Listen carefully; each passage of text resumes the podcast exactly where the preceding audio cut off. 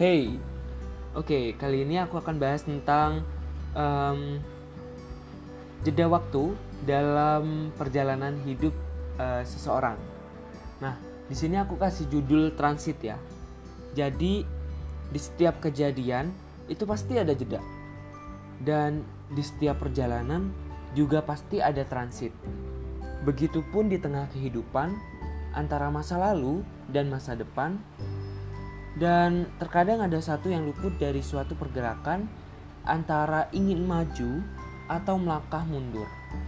Nah, di sini nih tempat yang paling tepat untuk seseorang menerima kesempatan yang kedua.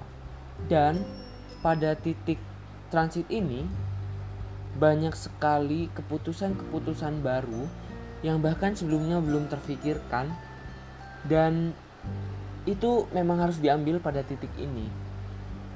Karena pada titik ini juga bisa menjadi titik evaluasi bagi setiap orang dan setiap kejadian yang sudah terjadi. Dan bahkan banyak juga yang harus direlakan untuk sesuatu yang lebih berharga dan lebih penting untuk ke depannya pada titik ini. Nah, titik ini aku kasih nama titik transit.